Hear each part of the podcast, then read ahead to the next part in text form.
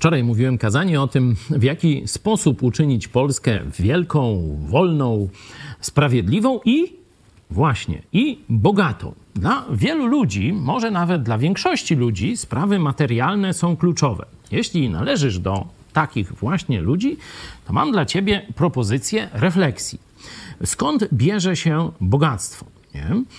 Y, Można powiedzieć, że są takie trzy źródła bogactwa. Pierwsze, takie dość oczywiste, to praca własnych rąk. Nie? I o tym Biblia mówi, to jest coś dobrego i tak dalej. Nie?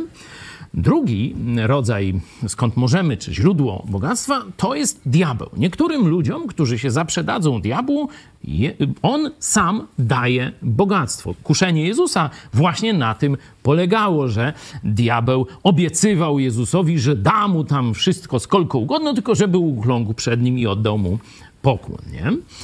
No i jest no, trzeci sposób. Trzeci sposób. Może to nie będzie takie bogactwo że ze złotym sedesem i tak dalej, ale na pewno będziesz miał na wszystko, co ci potrzeba i jeszcze będziesz miał na po pomaganie innym dość dużo. Nie? Czyli będziesz bogaty w świetle tego świata, gdzie większość ludzi to nawet na własne potrzeby ledwo tam wiąże koniec z końcem. Jak ten trzeci sposób? A to trzeba się dogadać z najbogatszą osobą we wszechświecie. No i z kim? No otwórz sobie Ewangelię Mateusza. E, Samą końcóweczkę Jezus żegna się ze swoimi e, apostołami i mówi do, nie, do nich, to jest 28 rozdział, 18 werset. Dana mi jest wszelka moc na niebie i na ziemi. Władza i pieniądze, nie?